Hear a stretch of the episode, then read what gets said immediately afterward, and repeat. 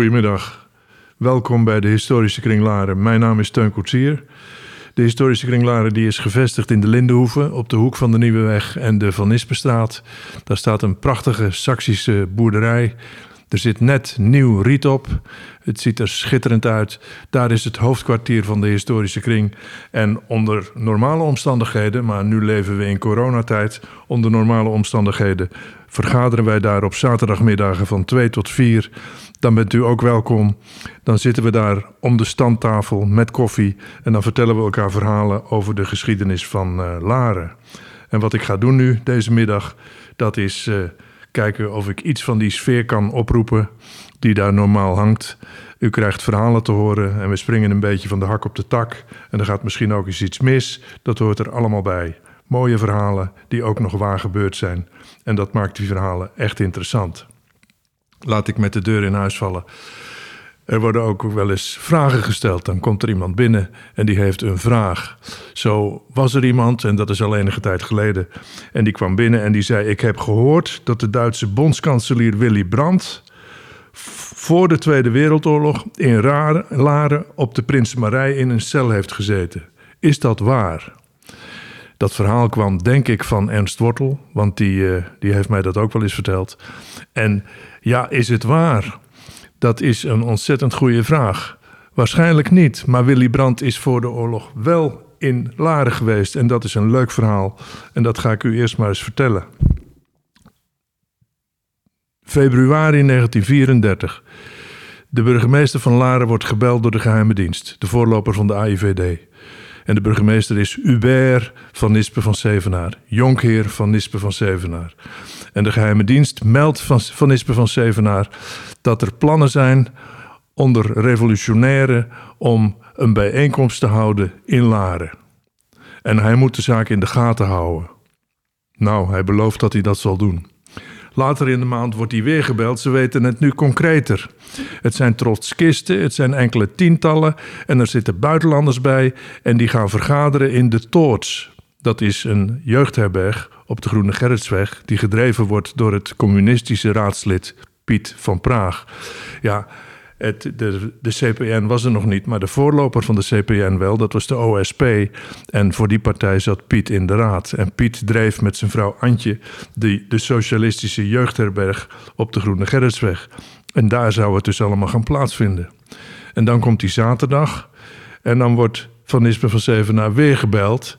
Dan wordt hij gebeld door de minister van Justitie hemzelf van Schaik, een partijgenoot, alle twee katholieken. En Van Schaik zegt: We weten het nu heel precies. De bus is nu onderweg.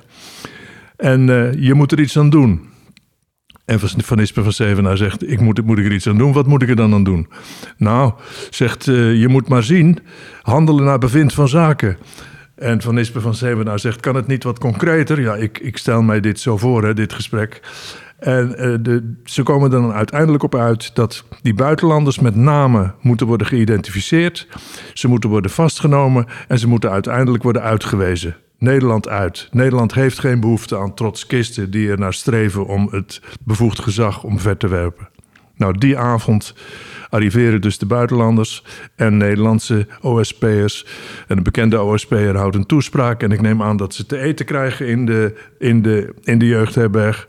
En als het dan donker is, dan slaat het bevoegd gezag toe. Van Disper van Zevenaar zal er misschien bij geweest zijn, maar de leiding ligt bij inspecteur Hoogvorst. Uh, de toorts wordt om, om, om, omsingeld. Er zijn ook veldwachters uit Blarikum bij. En ze vallen binnen en ze pakken alle buitenlanders op. En dan, ja, Van Isper van Zevenaar die heeft ineens 10, 12 buitenlanders waar hij iets mee moet. En nou blijken er vier Duitsers onder te zitten. En uh, hij besluit om de rest naar Amsterdam te sturen. Dat gebeurt dan ook. En die vier Duitsers, die zet hij het land uit richting...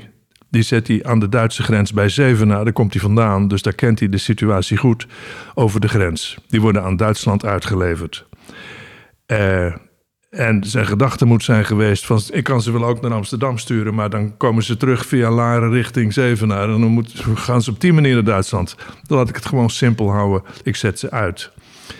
Nou is dat een hele pijnlijke situatie... want uh, Hitler is aan de macht op dat moment... En uh, die Duitsers worden meteen opgepakt en die, uh, daar loopt het ook niet zo geweldig mee af. Ze overleven het geloof ik wel, maar ze zitten geruime tijd in concentratiekampen en dergelijke. Nou, in Nederland leidt dat tot allerlei actie. Het weekend zelf nog, dan schakelt Piet van Praag een advocaat in en de minister van Justitie wordt benaderd. Die krijgt het telegram pas laat. En als hij, hij grijpt in, maar dan is hij al te laat, want hij voelt er gaat hier iets mis. Heel socialistisch Nederland staat op de achterste benen. Er zijn daar, laten we zeggen, partijgenoten, weliswaar vrij extreme socialisten, die zijn uitgewezen aan degene die hen zoeken. En die hadden gewoon ook net als de rest naar België uitgewezen moeten worden. Dit gebeurt er allemaal op, op die zaterdag in 1934. Eh, en nu komt Willy Brandt in het verhaal voor, want er was nog een vijfde Duitser bij. En die had een Noors, Noorse papieren op naam van Willy Brandt. En men dacht eerst, het is een Noor. En die is dus naar Amsterdam gestuurd door Van Ispen van Zevenaar. Uh, en, uh, en daarna is hij aan, bij de Belgische grens Nederland uitgezet.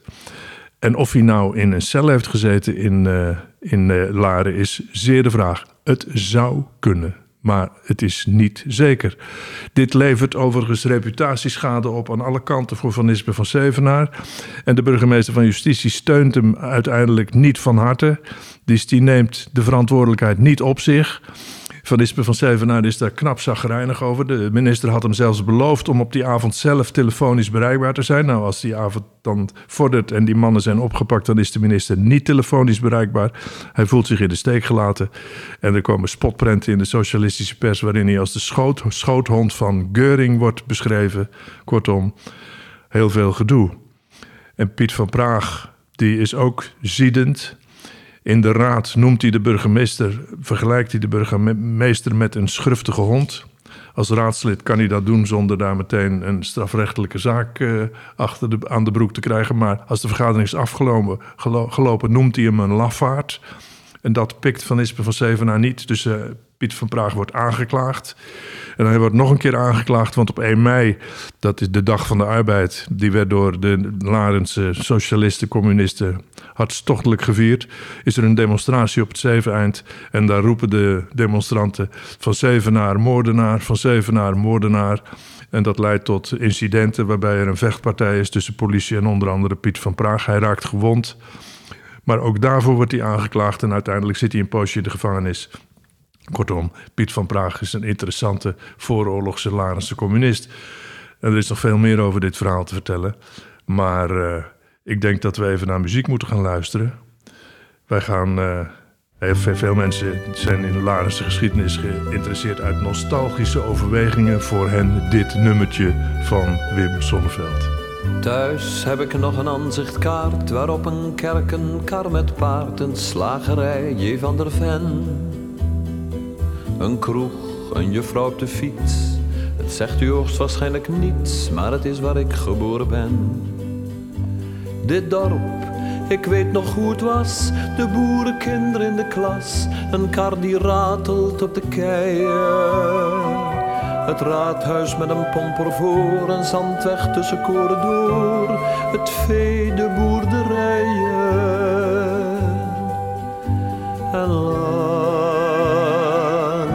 Tuinpad van mijn vader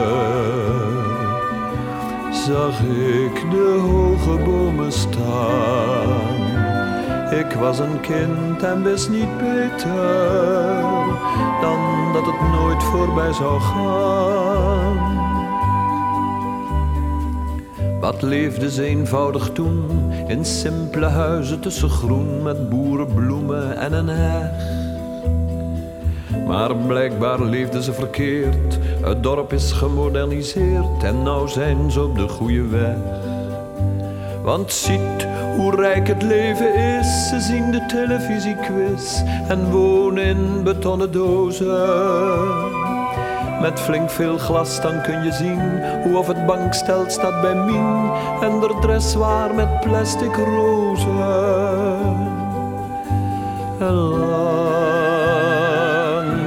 Tuinpad van mijn vader zag ik de hoge bomen staan. Ik was een kind en wist niet beter dan dat het nooit voorbij zou gaan. De dorpsjucht klit wat bij elkaar in minirok en bietelhaar en joelt wat mee met beatmuziek. Weet wel, het is hun goede recht, de nieuwe tijd, net wat u zegt, maar het maakt me wat melancholiek. Ik heb hun vaders nog gekend, ze kochten zoethout voor een cent. Ik zag hun moeders touwtjes springen. Dat dorp van toen het is voorbij, dit is al wat er bleef voor mij. Een aanzicht en herinneringen. Toen ik tuinpad van mijn vader de hoge bomen nog zag staan. Ik was een kind, hoe kon ik weten dat dat voorgoed voorbij zou gaan? Ja, altijd weer mooi. Nou, wij zitten dus niet echt nu in de Lindenhoeve. Daar zou ik wel graag willen zitten, maar dat kan niet, want dat rieten dak zit er net kerstvers op. En binnen is het nog een behoorlijke zooi. We zitten nu ergens anders, maar we doen net alsof dit uit de Lindenhoeve komt. Uit het hoofdkwartier van de historische kring. Uh, overigens, die Lindenhoeve, die, uh, dat is ooit een echte boerderij geweest natuurlijk. En die was in het bezit van de familie Smit. Begin 20e eeuw nog steeds. En wat ik er zelf aardig aan vind, als ik dan hier in de Lindenhoeve zit, waar ik nu even niet zit, dat is dat uh, de hertenkamp die er tegenover is, dat was de akker van de familie Smit. Dat is een echte boerderij met vee en, uh, en ook een akker, daar waar nu de, de hertenkamp is. En overigens, daar zit dat kerstverse rieten dak op. Dat interesseert mij altijd, want mijn grootvader, mijn eigen grootvader, was ook rietdekker. En uh, wat dat riet betreft, wat ik er onder andere interessant aan vind, is het, het, historische verhaal. Kijk, er is een tijd geweest dat in Nederland iedereen, vrijwel iedereen onder een rieten dak zat. Want er was een hoop riet. Nederland is een behoorlijk nat land, dus er groeide overal riet. Het was hartstikke goedkoop en functioneel. En als je niet te dicht op elkaar loopt, woont, dan brak er wel eens brand uit. Maar dat was dan geïsoleerd en geen echt probleem. Dus iedereen had een rieten dak, bij wijze van spreken, afgezien van een enkel kasteel of een enkel klooster. En dan in de loop van de tijd zie je een ontwikkeling. De, in, met name in de Renaissance komt de burgerij op. Dus er komen steden waar mensen dicht op elkaar wonen. En men begint daar ook met rieten daken. Maar dan is een brand natuurlijk catastrofaal. En je ziet meer en meer pannendaken verschijnen, niet rieten daken. Er was ook meer geld, men kon zich die pannendaken permitteren. En op die manier zie je het rieten dak op zijn retour gaan. En het is aan het eind van de 18e eeuw is het behalve op platteland waar het gewoon blijft, goedkoop, functioneel en brandgevaar toch minimaal. Het, het is eigenlijk verdwenen, zo aan het eind van de 18e eeuw. En dan komt het terug. En hoe komt het terug? En dat vind ik leuk. Aan het eind van de 18e eeuw breekt de romantiek aan. Voor die tijd heb je in de cultuur de verlichting en dan ligt erg de nadruk op de reden, op het denken. Je moet verstandige dingen doen. Je moet goed nadenken voor je iets doet. En je gevoel, dat is een beetje gevaarlijk. Dat moet je goed in de gaten houden. Dat moet je beheersen met de reden. Dat is de verlichting. En in de romantiek dan komt het gevoel helemaal terug. Mensen die zeggen, wat een flauwekul, die reden is kil. Het gevoel, daar gaat het om. En dan zie je ook een idee van we moeten terug naar de natuur. Het verleden wordt soms geïdealiseerd. De, mens in zijn oorspronkelijke staat leefde in de natuur.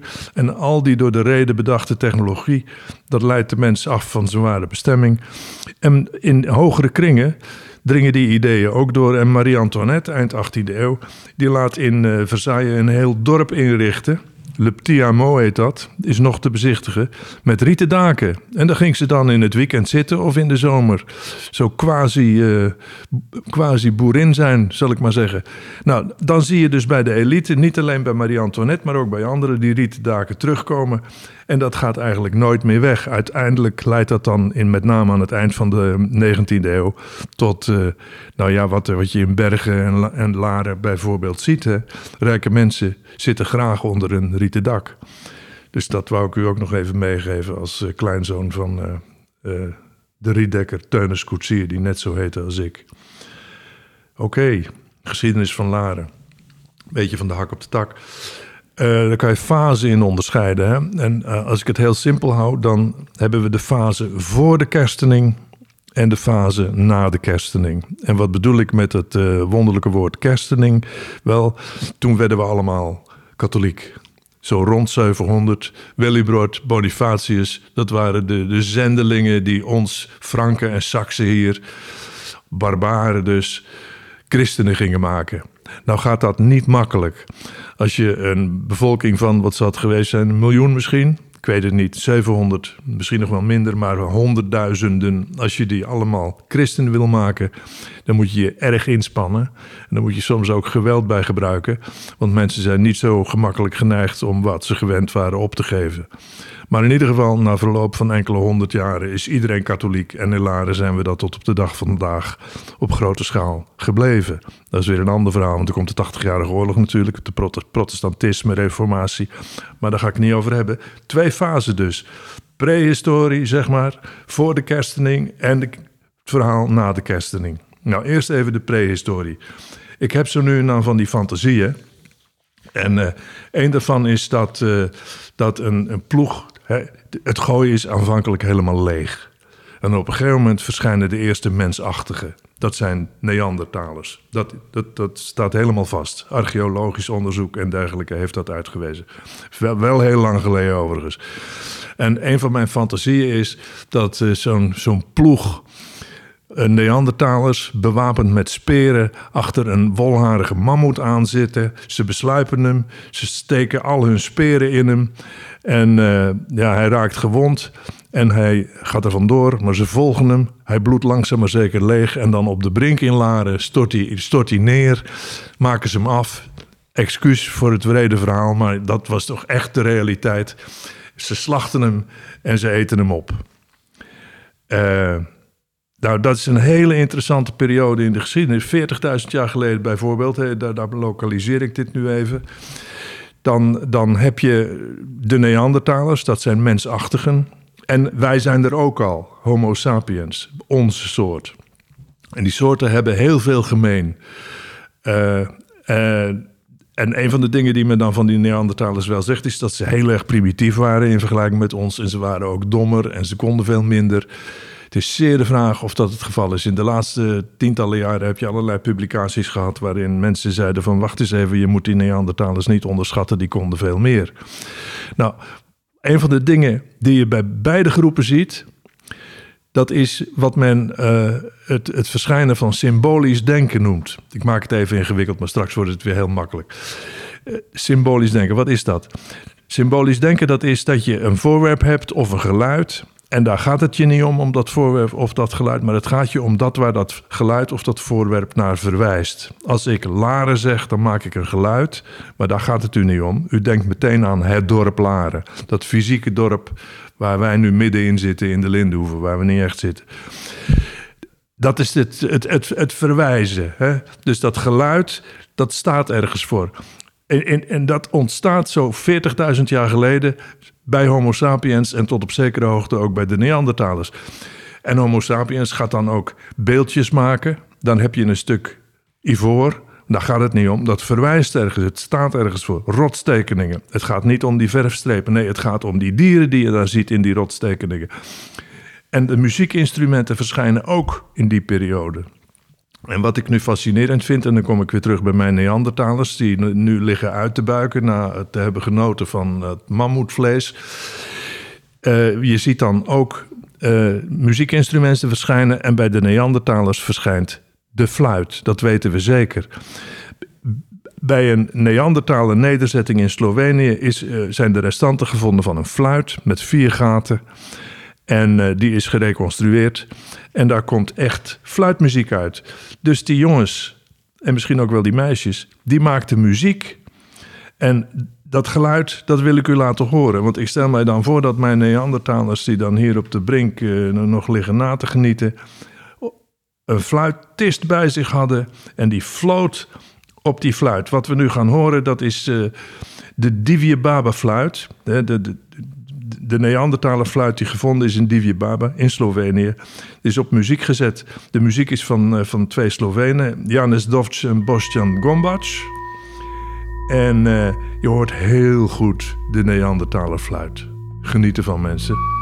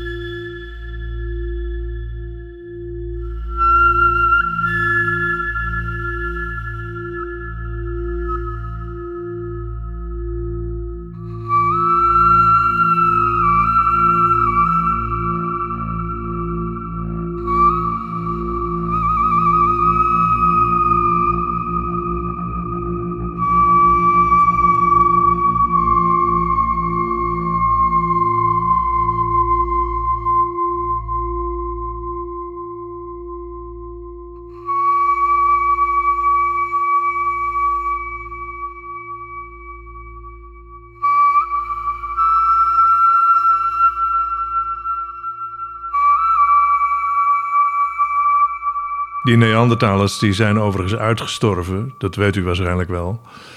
Uh, Zo'n 30.000 jaar uh, geleden. En wij, onze soort, heeft het dus in zekere zin gewonnen als je er een competitie in wilt zien.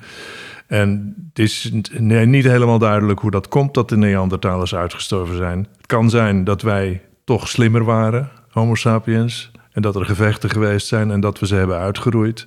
Het kan ook zijn dat uh, ze gewoon pech hebben gehad. En uh, genetisch zijn we heel erg verwant.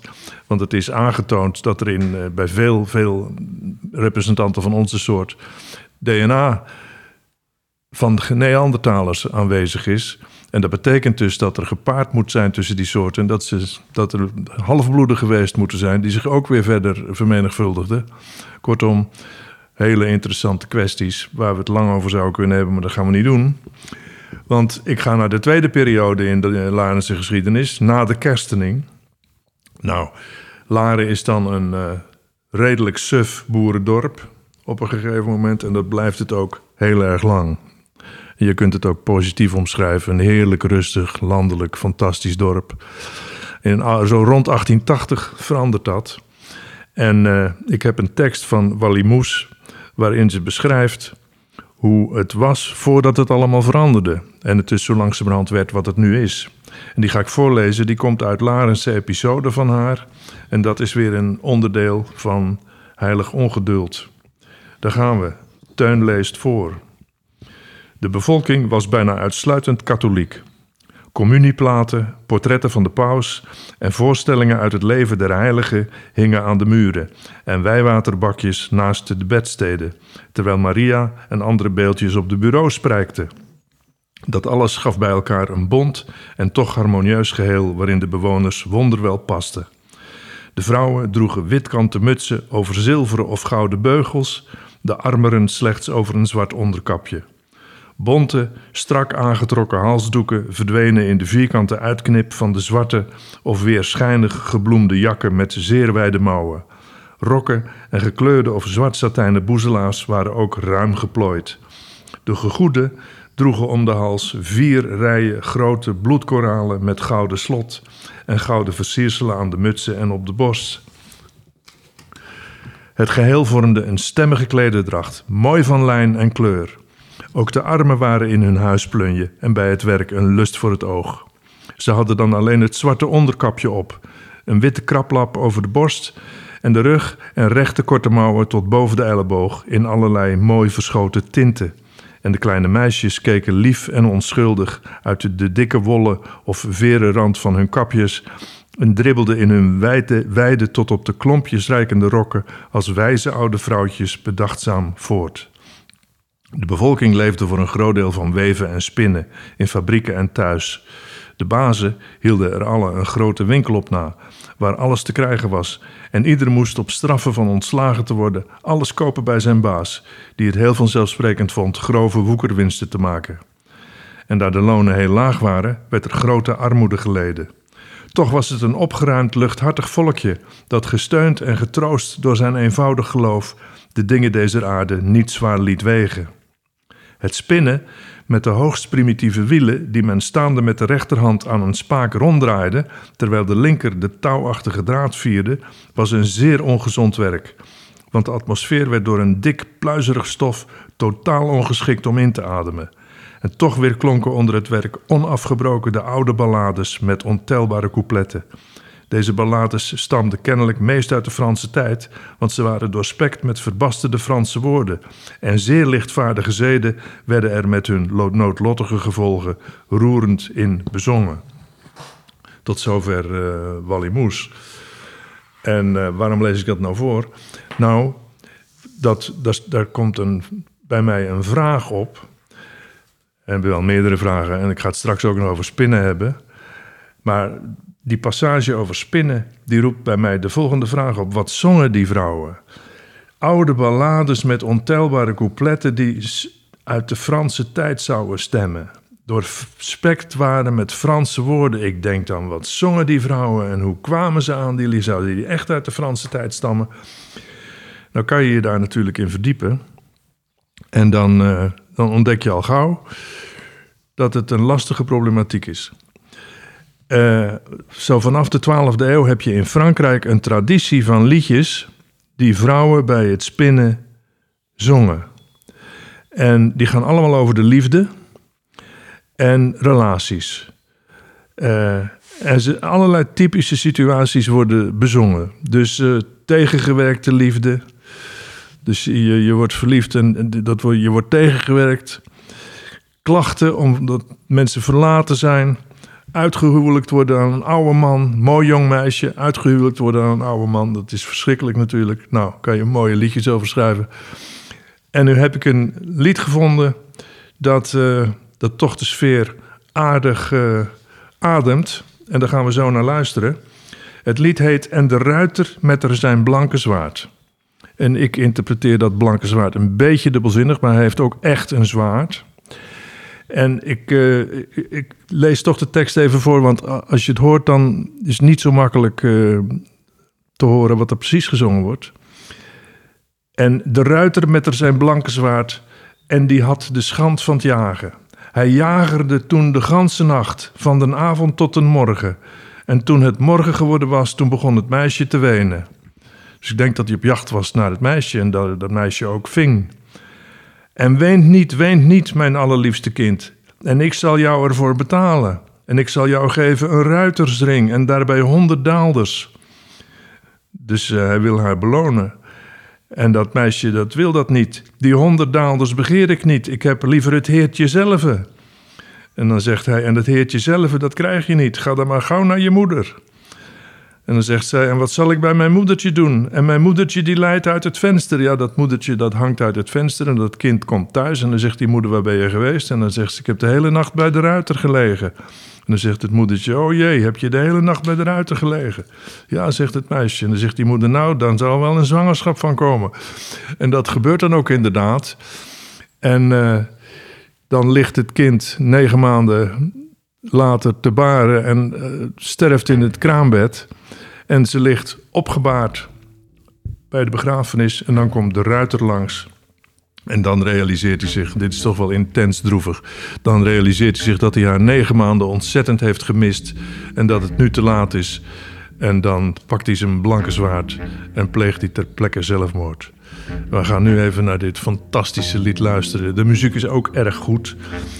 Uh, de muziek is goed. Ik wil graag vertellen wie de muzikanten zijn. Ja, de, de zangeres is Christina Fuchs. En Jeroen van Vliet en Mete Erker. Die uh, doen denk ik de muziek. Daar komt hij. En de ruiter met er zijn blanke zwaard. Je moet hem wel helemaal laten lopen, Erik, niet afbreken. En de ruiter met er zijn blanke zwaard, en die had de schand van te jagen.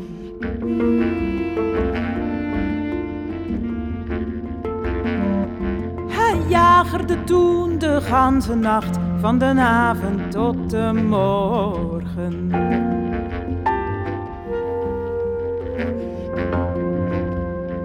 En toen het morgen geworden was, toen begon het meisje te winnen.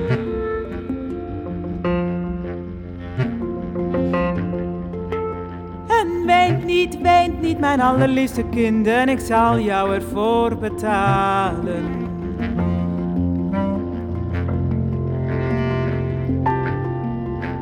En ik zal jou geven een ruitersring en daarbij honderd taalders.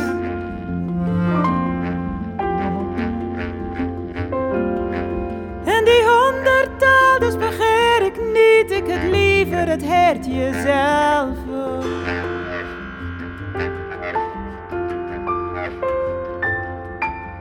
En het heertje zelf, dat krijg je niet. Ga dan maar naar jouw moeder.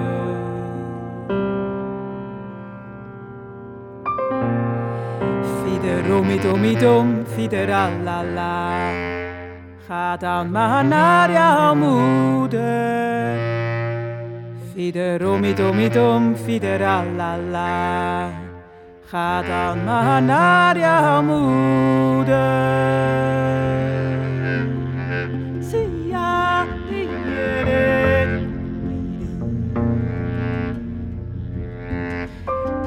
En de ruiter die droomde op zekere nacht, en het was een zware dromen.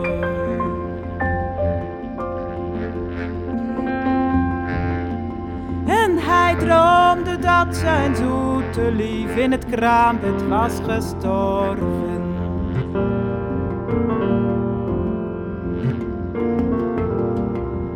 En toen het morgen geworden was, toen zei die knechtje, kom zadel mijn paardje.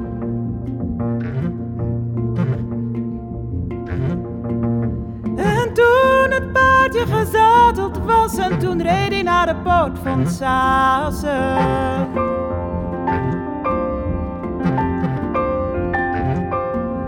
En toen die voor die poorten van Sazen kwam, toen begonnen de klokken te luiden.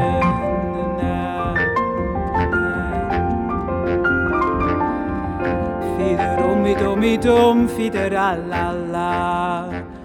Toen begonnen die klokken te luiden. Fiderommidom, fideralala. Toen begonnen die klokken te luiden.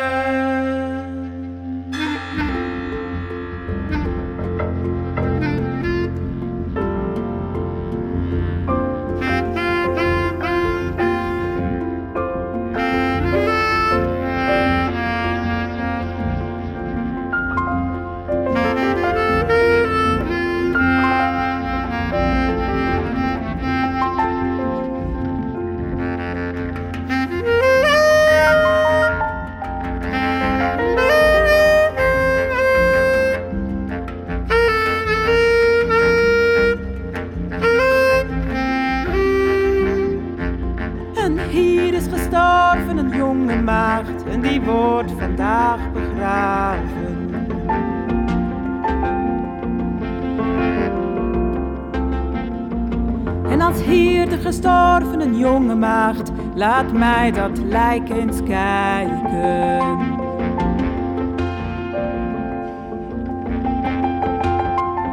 En toen die de kist geopend had, toen zag hij zijn geliefde.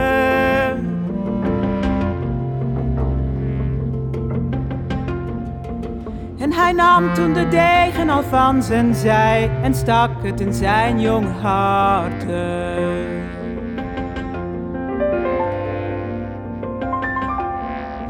Daar lag nu de ruiter al met zijn bruid en daar lagen ze allebei.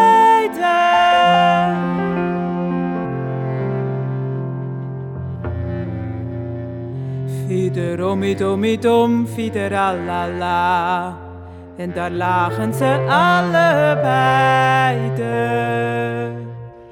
Fiederomidom, fiederalala. En daar lagen ze allebei. De vraag blijft natuurlijk, wat zongen die Larense spinsters nou precies toen Wally Moes hier uh, rondliep? Nou, ik hou me aanbevolen voor tips. Um, maar nog even over dat spinnen. Dat zei ik al, dat ik het daar nog even over zou hebben. Kijk, lang geleden was spinnen ongelooflijk belangrijk. Een meisje dat niet kon spinnen, daar had je weinig aan, zal ik maar zeggen. Uh, dat is werkelijk waar. Wereldwijd. Spinnen is ongelooflijk belangrijk. Textiel is natuurlijk ook heel erg belangrijk. Het is niet alleen dat je, dat je jezelf ermee kunt aankleden, maar uh, touw wordt ook gesponnen, noem maar op. Heel belangrijk. En dat blijkt ook uit allerlei sprookjes. En ik wil het even hebben over een van mijn favoriete sprookjes. Dat is het sprookje over Repelsteeltje. Dat ga ik even in uw herinnering roepen. Er zitten wat wonderlijke elementen in. Dit is ongeveer de versie van de gebroeders Grimm.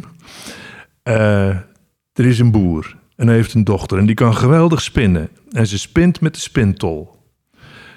Dat is de voorloper van het uh, spinnenwiel, de spintol. Dat is een tol die je aan het draaien brengt en die draaibeweging zorgt er dan voor dat de vezels in elkaar gevlochten worden. Zoek het op op het uh, internet als je precies wil weten. Maar die dochter die kon dus ongelooflijk goed spinnen met spintol. En toen kwam die de koning tegen, die vader. En hij zei, mijn dochter die kan zo ontzettend goed spinnen. Die geef je een schuur met wol. En in een dag heeft ze hem helemaal omgezet in prachtige wollen, draden. En de koning zei: Daar wil ik wel mee trouwen met die meid. Als ze dat echt kan, laat ze dat maar eens komen demonstreren. Dus dat arme meisje dat komt bij de koning. En de koning zegt: van, Nou, begin er maar aan. En dan, ja, dat kan ze natuurlijk niet. Ze kon wel goed spinnen, maar een hele schuur is wel erg veel. En dan duikt er een raar mannetje op. Een vies, klein, vervelend mannetje. En die zegt: Ik kan je wel helpen. Maar dan wil ik wel je halsketting. Nou, zegt ze graag. Dus ze levert haar halsketting in. Ja, dat moet er nog bij vertellen. Dat staat echt zo in de tekst. De koning die zei van als het je niet lukt, dan ben ik opgelicht en dan, eh, dan breng ik je ter dood. Dan moet je sterven. Dus er stond druk op. Nou, dat ventje dat uh, krijgt dus die halsketting. En uh, inderdaad, hij, na verloop van tijd komt hij terug en allemaal wol geworden. Hele schuur vol. De koning zegt, ja, je kan het. Kan je het elke dag? Laat het nog maar een keer zien. Nou, het meisje heeft weer een probleem. En de koning, die, uh, de, dus, uh, dus dat mannetje verschijnt weer. En dit keer wil hij haar ring. De koning is onder de indruk, trouwt met haar. En ja, verwacht wel dat ze het blijft doen. Dus daar zit ze weer. En daar heb je dat kereltje weer. En het kereltje zegt van nou wordt het serieus. Jij gaat zwanger worden, dan komt er een kind en dat krijg ik. En als, dat, als je daarmee instemt, dan blijf ik voor je spinnen. Want ik ben er ontzettend goed in. Dus ze wordt zwanger. En uh, het moment van de geboorte nadert. En ze heeft een heel slecht gevoel. Ze moet iets verzinnen. En uh, gelukkig, en dat vergat ik u nog te vertellen, was er een ontsnappingsclausule ingebouwd. Want ze had tegen die man gezegd: Ja, is, is er niet iets wat ik kan doen waardoor ik er toch aan ontkom? Aan het afgeven van mijn kind, want dat is toch verschrikkelijk. En toen had hij gezegd: van, Als jij raadt hoe ik heet, dan, dan gaat het allemaal niet door. Want dan kom je toch nooit achter.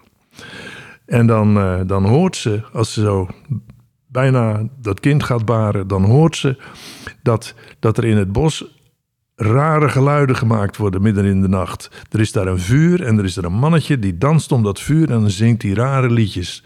Dus dan gaat ze kijken en dat is inderdaad haar mannetje die alsmaar voor haar spint. En hij danst en hij zingt daarbij: Niemand weet, niemand weet dat ik Repelsteeltje heet. En dan loopt het verder goed af natuurlijk, want ze weet hoe die heet. En dan gaat het niet door, dus ze kan haar kind houden. En ik weet niet eens of dat bij Grimm staat, maar ik heb een Amerikaanse versie van het sprookje en daarom vertel ik het eigenlijk. Uh, de vraag die bij je op zou komen: waarom kon die, dat mannetje zo ontzettend goed spinnen? En het antwoord is: hij had niet alleen een spintol, Hij had helemaal geen spintol. Hij had een spinnenwiel. En daar kon hij het met grote snelheid op. En uh, je zou dus kunnen zeggen dat op, die, op dat moment het spinnenwiel zijn entree deed in de wereld. Nou, is dit natuurlijk fictie, want het spinnenwiel komt uit China. Dat is ook een reden om het even te vertellen. Het spinnenwiel is in de middeleeuwen geïntroduceerd uit China in een periode waarin China het toppunt van beschaving vertegenwoordigde. Het, het Westen met het Romeinse Rijk was eerst, had eerst een hoogtepunt van beschaving gehad, maar na de ondergang van het Romeinse Rijk zakte het in het Westen allemaal totaal in. De Chinezen daarentegen gingen door. En rond 1000 dan heb je daar zo ongeveer de Song-dynastie. Dan bereiken de Chinezen een hoogtepunt van beschaving. De Chinezen lagen toen ver op het Westen voor. Het Westen heeft China daarna ingehaald. Maar in die tijd, in de tijd waarin het spinnenwiel vanuit China naar het Westen is gekomen, lagen de Chinezen op ons voor. En uh, je herinnert je misschien Marco Polo. Die ging in die periode, dat is rond 1200, ging naar China en viel stijl achterover van wat hij zag een stad als Hangzhou, waar hij is geweest, een miljoenenstad, dat, dat, was, dat was iets wat hij zich nog nooit had voorgesteld. Zo'n geweldig georganiseerd geheel, zoveel technische vindingen en dergelijke. Kortom, dat is mijn verhaal over het spinnenwiel, wat ik allemaal denk als ik zo'n stukje bij Wally Moes uh, lees.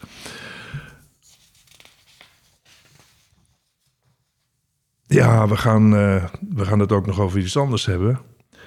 Uh, er komt ook wel eens iemand bij, bij ons binnen op de historische kring en die begint dan over zouave. Nou, weet ik niet hoe dat bij katholieken is, maar ik ben een protestant. En ik weet wel dat ik die, keer dat dat gebeurde nog nooit van zouave had gehoord. Ik dacht, wat zijn in godsnaam zouave? Nou, een reden om het er even over te hebben nu je, je kunt het, de, de, de kreet zouave zou je kunnen hebben ontmoet in de sfeer van Van Gogh. Van Gogh heeft uh, ettelijke schetsen gemaakt van een zouave en ook een paar schilderijen van een zouave. De zouaven, dat waren Franse soldaten aanvankelijk. De Fransen die, uh, die hebben altijd boeiende regimenten, vreemdelingenlegioen en, noem maar op. En op een gegeven moment creëerden ze een uh, compagnieën en uiteindelijk een regiment van zouaven. De aanvankelijk was de gedachte dat dat Berbers zouden zijn, maar dat werden allerlei mensen. Uh, dat, heette de, dat waren de Franse zouaven, dat waren Franse soldaten. En als, die, die, de, de, de persoon die toen hier op de historische kring binnenkwam en wilde weten en over zouaven begon, die dacht helemaal niet aan die Franse zouaven. Die dacht namelijk aan de zouave van de paus. Uh, en dat vereist enige uitleg. In de uh, 19e eeuw dan uh, heb je in Italië Garibaldi. Als je ooit in Italië bent geweest, en de meeste van u zullen daar geweest zijn, dan weet je dat elk zichzelf respecterend Italiaans plaatsje heeft een Piazza Garibaldi. Er is altijd een Piazza Garibaldi. Wel, Garibaldi is de figuur die samen met koning Victor Emmanuel een eenheid maakt van een verdeeld Italië. En dat gebeurt in de 19e eeuw. En daar doet zich dan een probleem bij voor, want de paus heeft niet alleen het Vaticaan, maar een hele pauselijke staat. De paus was ook een wereldlijk heer. En Garibaldi en Victor Emmanuel wilden dat deel van Italië ook opnemen in het verenigde Italië. En daar wilde de paus niet van weten. En hij, moest zich dus verdedigen tegen de troepen van, uh, van, van Garibaldi. En hij deed dat onder meer door in de katholieke wereld om steun te vragen financieel. En niet alleen financieel, maar ook in de vorm van manschappen. En je kon je dus overal en ook in Laren aanmelden voor dienstplicht bij de paus. En er waren verschillende laders die dat deden. En ik heb er hier een, Roelof Distelblom. Die werd in 1866 pauselijk zouaaf. 1866. En een andere was Willem Schouten. Die werd oh, in 1867 zouaaf. Gerrit Schothorst, ook een lader. Willem Splint, etterlijke katholieke jongens, die gingen in dienst bij de paus als soldaat. Dat vind ik boeiend. Je moet je voorstellen, die jongens die kwamen meestal niet verder dan Naarden. Dat was dus de, de, de enige stad die ze kenden. Misschien Amersfoort. Ik, je, je kwam niet zo ver in die tijd. En hier konden ze ineens een stuk van de wereld gaan zien. Het had natuurlijk een prijs. Maar ja, ze deden het voor de paus, voor hun paus. Echte katholieke jongens. En uh, daar werd ook echt uh, gevochten. De, heel beroemd is de slag bij Mentana. Dat ligt, uh, dan, dan probeert dus Garibaldi en Victor Emmanuel proberen dus Rome in te nemen. Want Rome was pauselijk grondgebied. en bij de slag van Mentana delven Garibaldi en, en de troepen van Victor Emmanuel het onderspit. Uh, in de katholieke geschiedschrijving wordt gezegd van dat een, een klein aantal zouaven, een groot aantal uh, oproerkraaiers aan de kant van Garibaldi versloeg. Het is iets ingewikkelder, want de Franse keizer Napoleon was er ook bij betrokken. Die heeft ook troepen gestuurd en die hebben ook meegevochten. En ik denk dat de katholieke zouaven, die, de pauselijke zouaven, die hadden de ideologie als geheim wapen. Dat is heel belangrijk als je een, een leger hebt. Als, als alle neuzen ideologisch dezelfde kant op staan en men heeft de bereidheid zich op te offeren, dan levert dat een formidabele strijdmacht op. De Fransen hadden echter ook een geheim wapen, zullen we maar zeggen. Dat was de chassepot. Dat was een nieuw geweer, een achterlader de, de, de, de Pruisen die introduceerden ongeveer in die periode ook uh, dat soort achterladers. En het nadeel van een voorlader is dat het heel lang duurt voordat je hem opnieuw hebt geladen. Hè. Dan moet je dus dan moet je voorin de kogel en het kruid moet je voorin in de loop stoppen en dan moet je dan aanstampen. En daarna kan je weer aanleggen en een achterlader kan je gewoon horizontaal laten liggen. En van achteren de, de, de, de kogel erin. En uh, dat heeft zeker ook een uh, grote rol gespeeld. Uh, dat, dat dus wat de zouave betreft. En het is natuurlijk absoluut nodig dat wij een stukje muziek gaan beluisteren. En ik heb daarvoor uitgenomen de Marche des Zouaves van Paul Chalier et son orchestre. Ik weet niet of, of dit Franse zouaven waren. Het, uh, maar ik kan me niet voorstellen dat de, de pauselijke zouaven op Gregoriaans uh, de strijd ingingen. Die moeten ook hun, hun, uh, hun MCC gehad hebben, zal ik maar zeggen. We gaan even luisteren.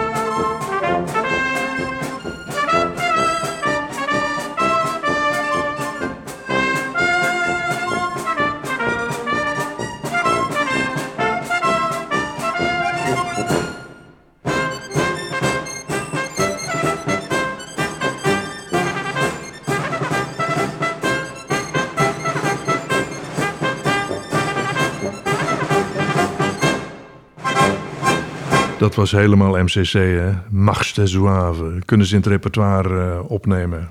Ter herinnering aan onze Larense pauselijke Zouave. Eh, ik, eh, ik vind Laren een bijzonder interessant dorp. En zeker de periode zo vanaf 1880 tot 1950 is heel erg boeiend. Dan verandert het dorp totaal. Dan komen ook allerlei mensen van buiten in het dorp. En ik zeg wel eens, eh, als je uit die periode iemand noemt, een bekend figuur in de wereld, dan construeer ik wel een link met Laren. En uh, nou ja, je ziet het bij, uh, we, hebben het, over hem gehad, Willy Brandt. Het is toch volkomen verrassend dat een, een, Duitse bondskanselier een link met Laren blijkt te hebben. Wat ik ook interessant vind, is dat er ook een link is met Field Marshal Bernard Law Montgomery. Nou was hij natuurlijk een van de opperbevelhebbers van de geallieerde troepen. Maar een directe link met Laren was er niet totdat wij het volgende ontdekten. Uh, op de Van Beverlaan nummer 15 staat een prachtig huis. Daar woonde voor de Tweede Wereldoorlog Jan van Ervedorens, grootvader van uh, onze bekende Bo van Ervedorens. En Jan van Ervedorens was architect en verdiende in de jaren voor de oorlog heel erg veel geld. En in 1938 kocht hij een Lagonda LG6 Drophead Coupé. Zoek het op, google het. Lagonda LG6 Drophead Coupé. Fantastische auto. Een van de duurste auto's die er was in die tijd. En als je voor de eh, Van Beverlaan nummer 15 staat, dan zie je rechts een garage. En daar moet hij dus in hebben gestaan. Daar moet hij net in hebben gepast. Onder het bijgebouw. Daar moet hij dus hebben gestaan. Nou, dan begint de oorlog. En uh, Van Ervedorens denkt, die auto, daar moet ik niet te veel mee gaan rondrijden... want daar zou best eens belangstelling voor, uh, ongewenste belangstelling voor, voor kunnen bestaan. Dus wat doet hij? Hij brengt hem onder bij een garage in Hilversum. En uh, als hij na de oorlog denkt van, ik, ik ga mijn auto halen... dan hoort hij dat mensen uit de sfeer van Prins Bernhard die auto hebben gevorderd. Aan het eind van de oorlog. De Duitsers hebben er zich dus nooit meester van kunnen maken. Maar mensen uit de sfeer van uh, Prins Bernhard hebben de auto gevorderd. En hebben er ook vrolijk mee rondgereden. Hij probeert erachter te komen waar het ding is. Dat lukt hem niet. Maar op een gegeven moment wordt wel duidelijk dat de auto is gebruikt op 1 september 1945 om Field Marshal Bernard Law Montgomery door Amsterdam te rijden. Daar zijn foto's van. Dan zie je de Lagonda van Jan van Ervedorens met Montgomery daarin staande en uh, het applaus van de Amsterdammers in neem, ontvangst nemend. Er is overigens een, uh, een documentaire van uh, Robin van Ervedorens, andere kleinzoon van, van Jan van Ervedorens, over deze auto wat er precies met de auto allemaal is gebeurd. Dat is een boeiend verhaal. Uh, maar daar uh, zal ik u verder niet mee uh, lastigvallen. Maar daar heb je dus een hele rare link ineens tussen een Larense situatie en een buitengewoon belangrijke generaal, een oorlogsheld. En hier laten we het voor vandaag bij, maar we gaan nog even naar een stukje muziek luisteren. Helemaal in het verlengde van de andere muziek. Een liefdesliedje, weer een andere typische situatie man en vrouw. In dit geval moet de vrouw de man niet. Galet die zingt Aisha. En de, de eerste zinnetjes zijn alsof ik niet bestond. Ze liep langs me zonder me een blik waardig te keuren. De koningin van Saba. Ik zei Aisha, alles is van jou. Maar ze moet hem niet. Het is een ontzettend leuk liedje.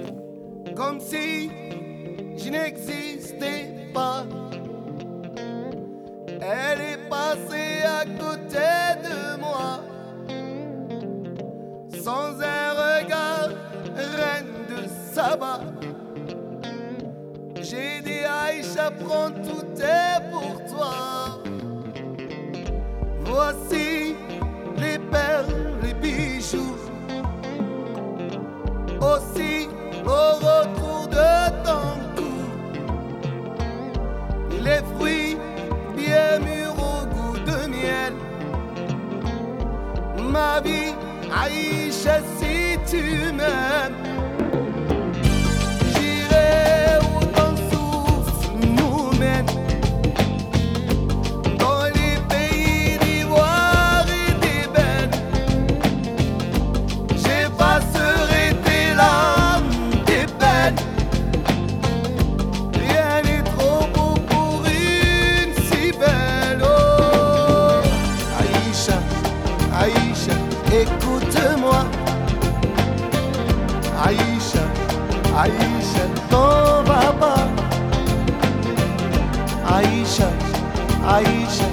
regarde-moi.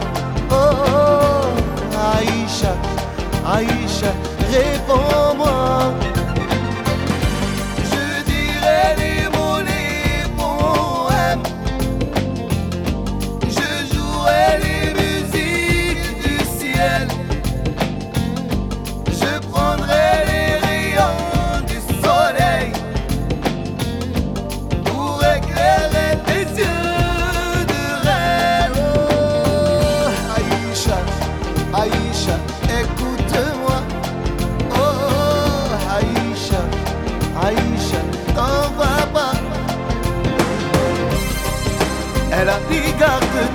eso